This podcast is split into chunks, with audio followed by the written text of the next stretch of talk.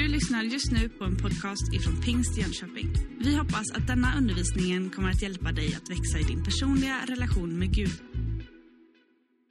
Men du vet, det där med födelsedagar är lite speciellt. I, I vår familj så hade vi en annan födelsedag igår. Det var, vår äldsta dotter fyllde 11 år.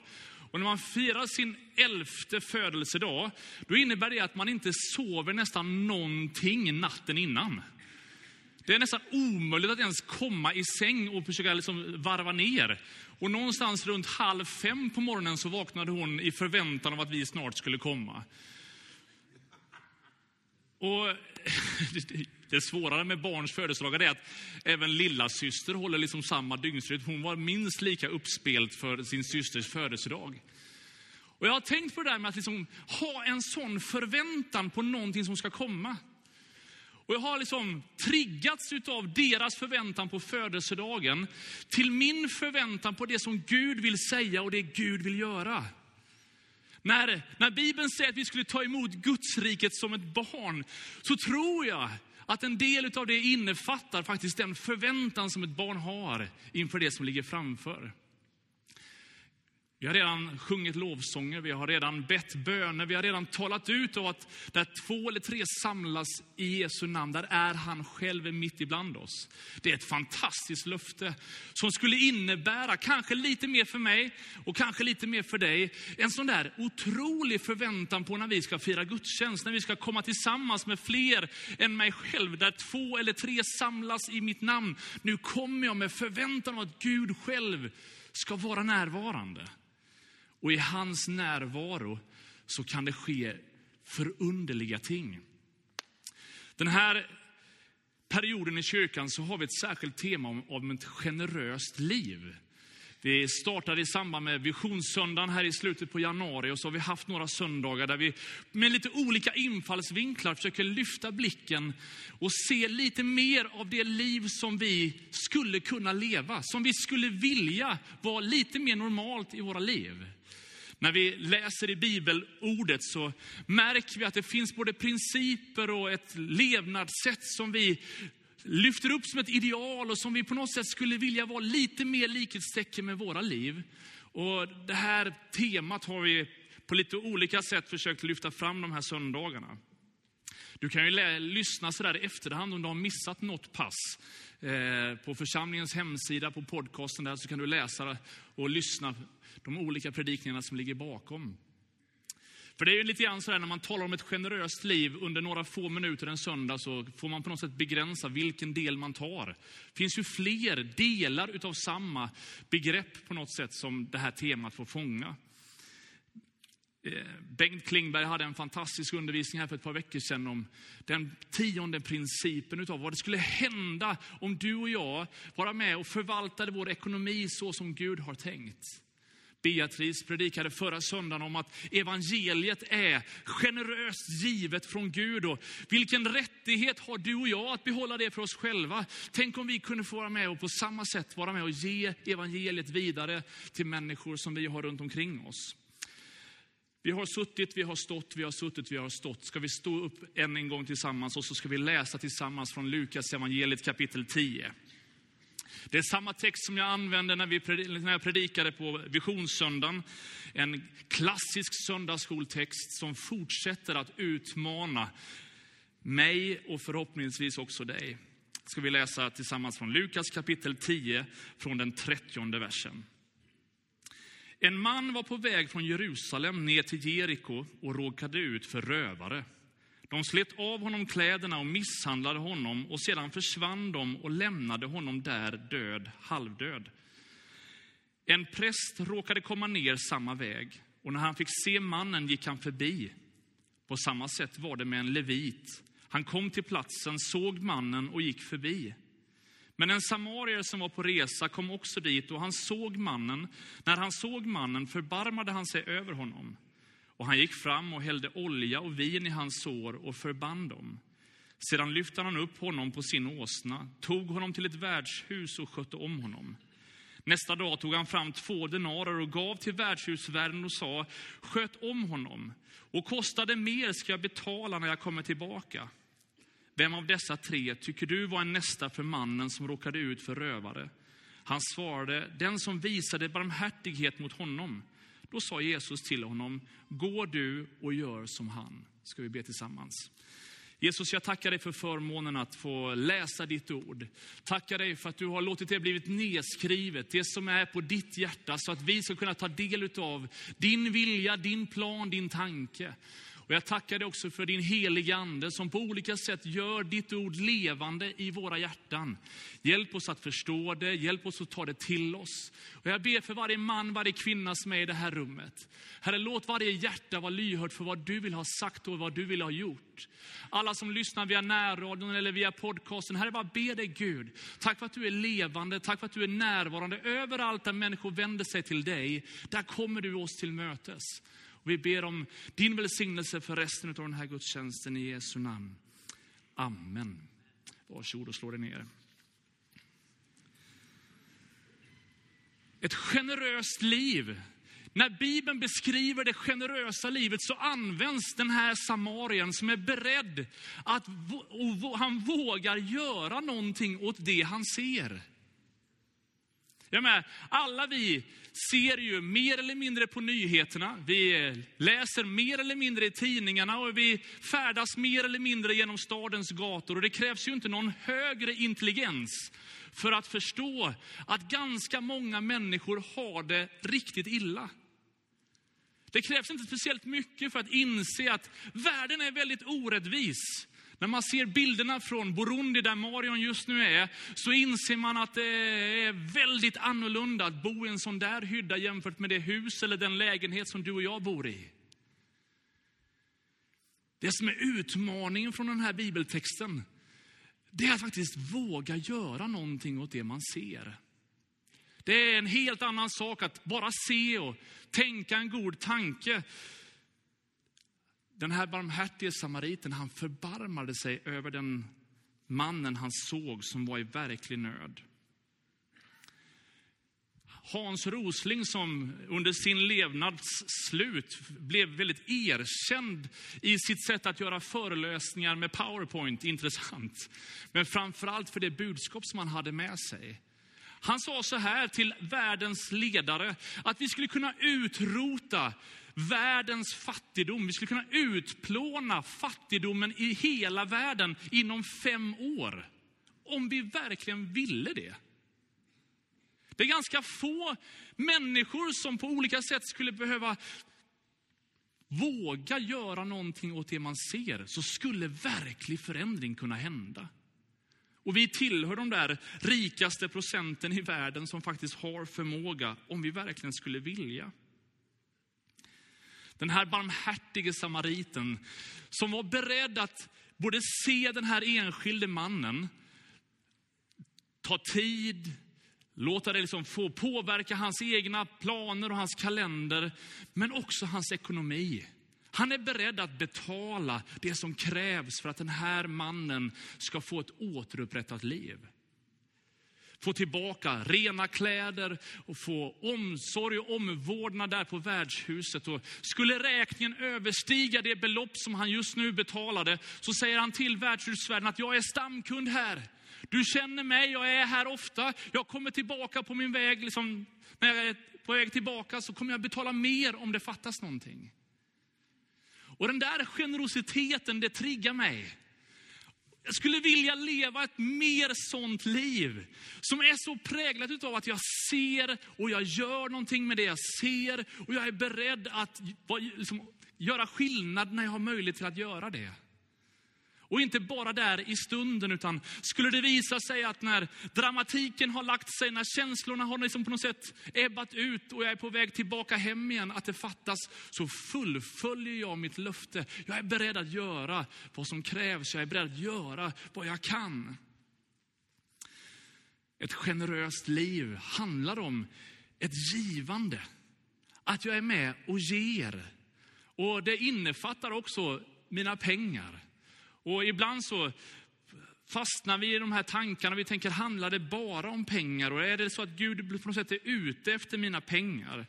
Men Guds ordet säger att mitt är silvret, mitt är guldet, säger Herren. Det är liksom någonstans hans alltihop och vi är satta att förvalta en del utav det. Men faktum är att om vi lär oss en himmelsk princip utav att vara med och ge, så säger Bibeln att det är saligare att ge än att få. Saligare kanske inte är det här ordet som du använder oftast i ditt liv. Åh, jag vill bli saligare. Tittar man lite närmare på ordet så märker man att det står för en slags fulländad eufori. En sann, djup, upprymd glädje. Det går så på djupet så att det till och med beskrivs som någonting frälsande, någonting himmelskt, paradisiskt. Du får en försmak av det som väntar redan nu när du lever ett utgivande liv. Därför så är Bibeln ganska uppmuntrande och uppmanande till att vara med och ge. För att ditt och mitt liv blir gladare, lyckligare, mer helt när vi lever på det sättet. All matematik, alla banker i världen skulle säga att den som spar, han har. Den himmelska matematiken verkar vara annorlunda. Inte på något sätt oansvarigt och bara slösaktig. Men faktum är att andra Korinthierbrevet kapitel 9 säger så här, från vers 6. Den som sår sparsamt får skörda sparsamt. Och den som sår rikligt får skörda rikligt. Var och en ska ge vad han har bestämt i sitt hjärta, inte med olust eller tvång, för Gud älskar en glad givare. Och Gud har makt att ge er all nåd i överflöd, så att ni alltid och i allt har nog av allt och kan ge i överflöd till varje gott verk. Det verkar vara någon slags himmelsk påfyllning som sker. Att den som liksom spar och den som snålar och håller igen, den kommer alltid ha det lite för lite. Medan den som så rikligt är frikostig och generös, den kommer välsignas med mer så att den kan fortsätta att vara med och ge. Överflöda till allt gott verk. Det verkar vara någon slags naturlag på ett andligt plan som inträffar när vi generöst är med och ger. Och jag skulle önska att du och jag vågade lita på den ekvationen allt mer. Den här texten som vi alldeles nyss läste säger också det som Göran citerade i sitt kollekttal alldeles nyss. Att när du och jag är med och ger, när vi uppmuntras till ett generöst liv, så får det aldrig bli av olust och tvång. Där är liksom kollektören står med kyrk, liksom, den här kollektbössan framför dig och liksom nästan hotar dig. Jag vet inte ifall du känner till berättelsen från New York, Times Square Church början. David Wilkerson som var med och, var med och vann massor med människor ur gängkriminalitet. Och innan de ens hade blivit frälsta så involverade han dem i gudstjänsten. Och vid ett tillfälle så tar han med några av de här som alldeles nyss har varit gängledare som kollektörer. De har aldrig fått in så mycket i kollekten någon gång. Som när de står framför och bara tittar i ögonen på alla som inte ger tills de ger. Vet inte ifall det är riktigt klokt. Bibeln säger att det ska vara med fri vilja. Inte med olust eller tvång, utan det ska få vara ett glatt hjärta. Så känner du att allt tal om ekonomi och givande, nej jag vill inte, låt det vara. Ingen måste. Men det finns en enorm välsignelse för den som har upptäckt givandets glädje. Tillbaka till gårdagens höjdpunkt när vi liksom kommer in med frukostbrickan. Vi som föräldrar är ju gladare än barnet som får presenterna. När vi ser barnets glädje. Den responsen av att på något sätt få vara med och ge någonting till någon annan. Jag tror att Gud gläds över sina barn när vi tar emot, men också vi får upptäcka en annan dimension av glädje när vi får vara med och ge. När vi får betyda någonting för andra människor. Tänk vilken nåd att få göra den skillnaden. Ordspråksboken 11 säger så här i vers 24. Att den ene strör ut och får ändå mer, den andra snålar och blir bara fattigare. En generös själ blir rikt mättad. Den som vederkvicker andra blir själv vederkvickt. Helt fantastiskt. Den som är med och ger till andra, den som är generös mot andra, den som på olika sätt försöker ge till, av sig själv till andra, ja, men den kommer få bli rikligt mättad. Och när du talar liv in i andra människors liv, talar uppmuntran in i andra människors liv, när du ger av din positiva kraft av tro in i andra människors liv, så blir du själv vederkvickt. Vilket löfte. Jesus han säger i Lukas evangeliet 12 att sälj vad ni äger och ge åt de fattiga. Skaffa er en börs som inte slits ut en outtömlig skatt i himlen dit ingen tjuv når, där ingen mal förstör. För där er skatt är, där kommer också ert hjärta att vara.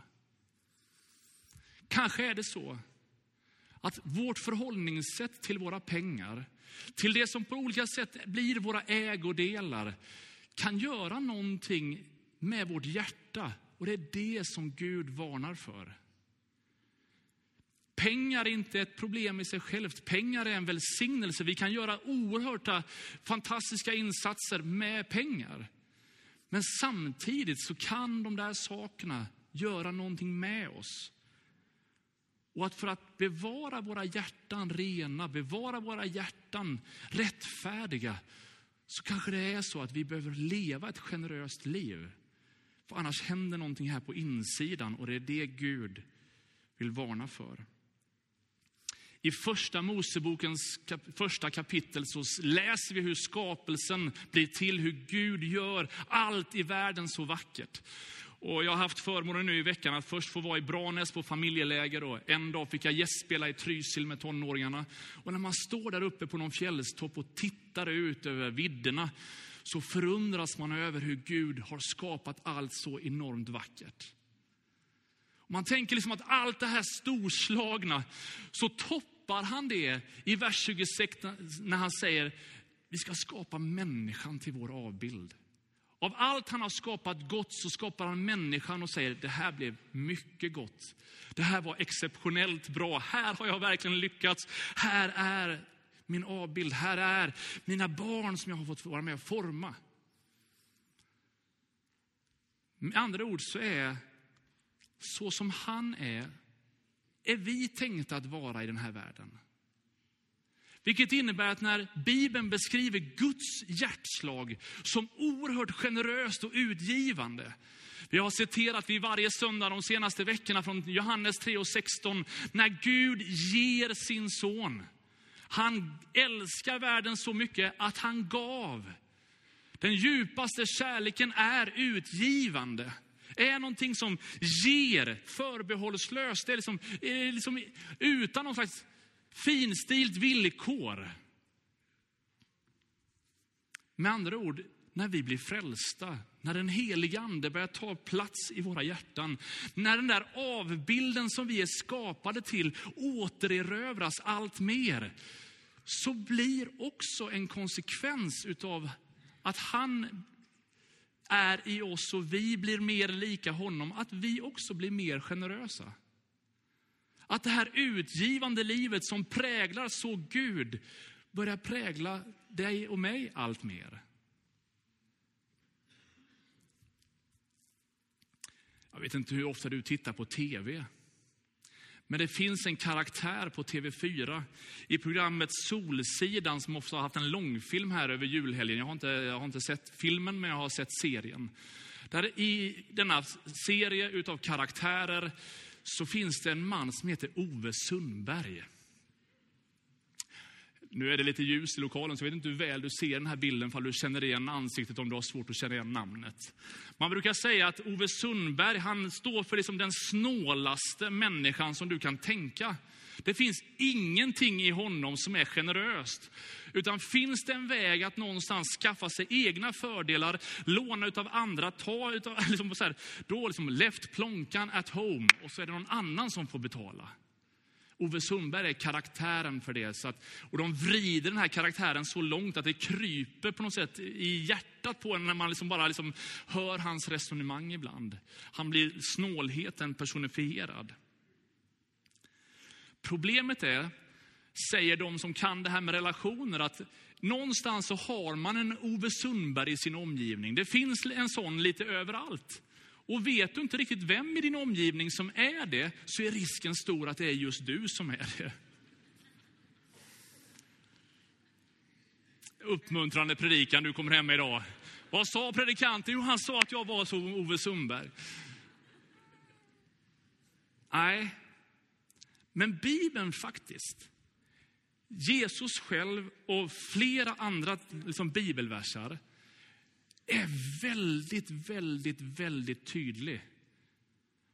När våra hjärtan fylls av girighet. När generositeten, trots att vi har möjligheten, inte längre är där, utan vårt hjärta stängs och blir mer självcentrerat. Lukas evangeliet igen, vers, kapitel 12, vers 15, så är det Jesus som varnar.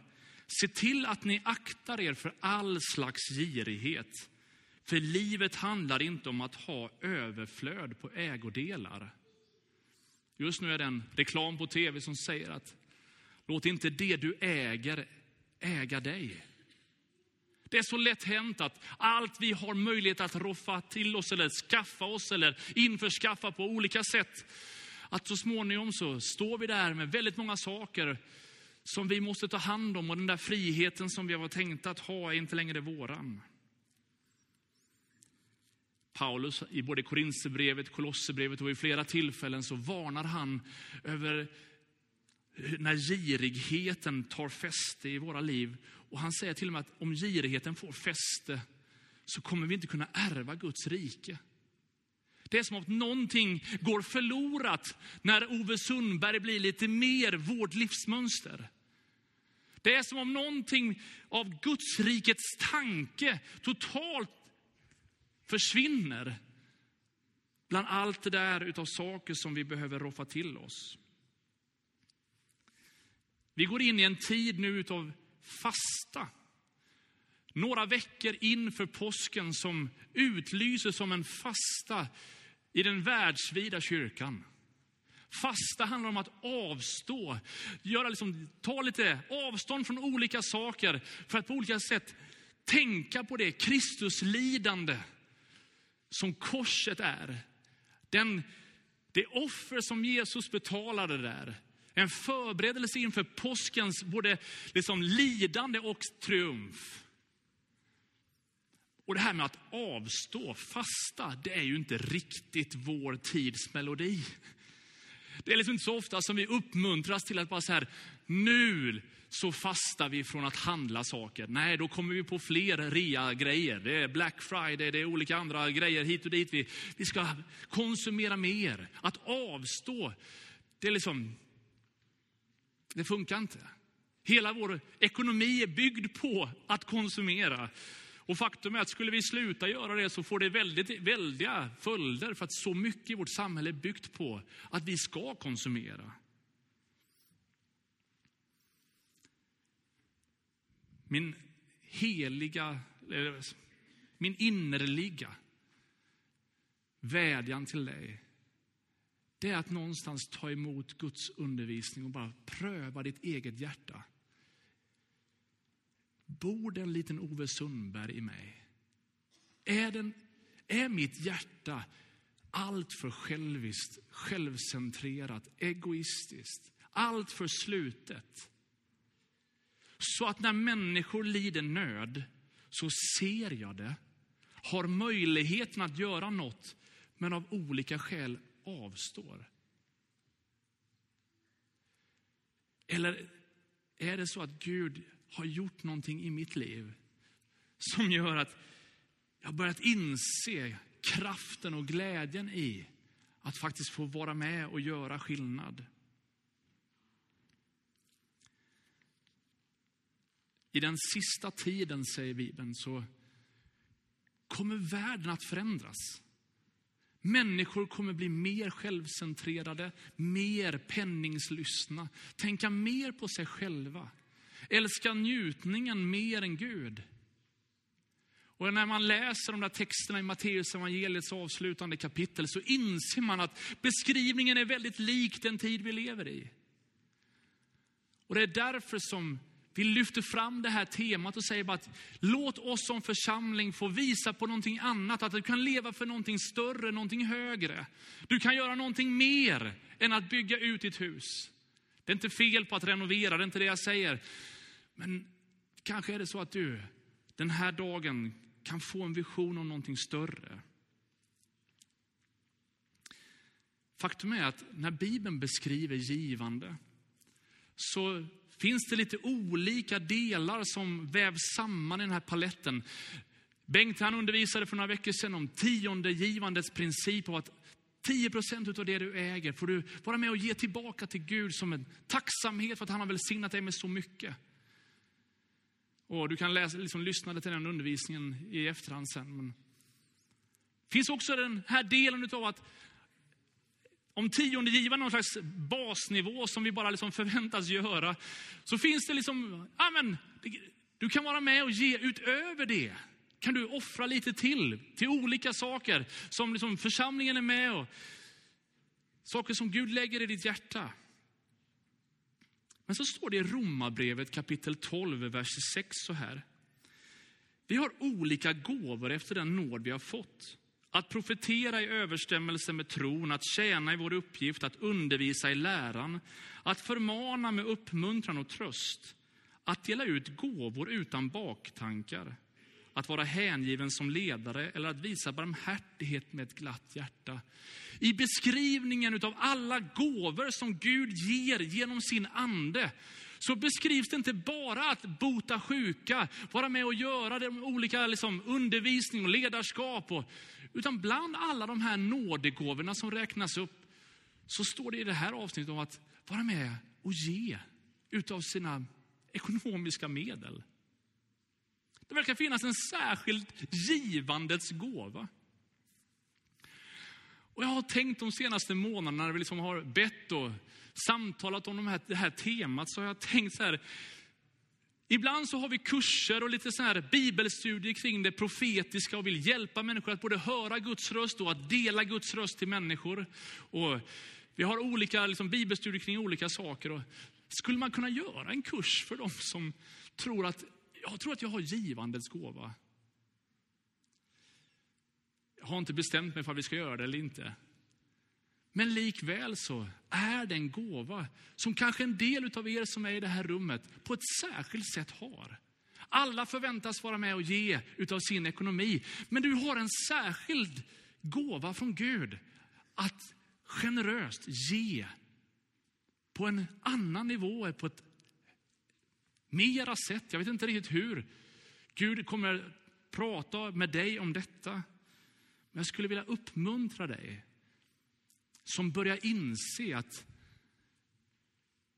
det kanske är någonting mer som Gud har tänkt. Du kanske har en förmåga till att vara med och göra mer. Och att Gud skulle få välsigna dig i den gåvan. Varför jag tvekar med att ha en kurs kring det här med givande är för att Bibelns undervisning faktiskt också är väldigt tydlig om att ge i det fördolda. Att inte på olika sätt skylta med det du ger. Jesus själv säger i Matteus kapitel 6 att akta er för att göra goda gärningar inför människor för att bli sedda av dem. Då får ni ingen lön hos er far i himlen.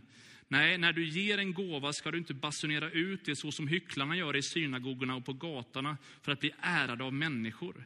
Jag säger er, de har fått ut sin lön. Nej, när du ger en gåva, låt då inte din vänstra hand veta vad den högra handen gör. Då ges din gåva i det fördolda och då ska din far som ser i det fördolda belöna dig. Det finns någonting i givandet som inte ska skapa någon slags tacksamhetsskuld. Jag ger inte för att du ska uppmärksamma hur mycket jag ger. Jag säger inte eller gör detta och är generös mot dig för att på något sätt du ska liksom, stå i någon slags evig tacksamhetsskuld till mig. Utan jag ger för att jag har möjlighet att välsigna dig. Jag har, lever det här livet till dig Gud för att du ska få ta hand om mig.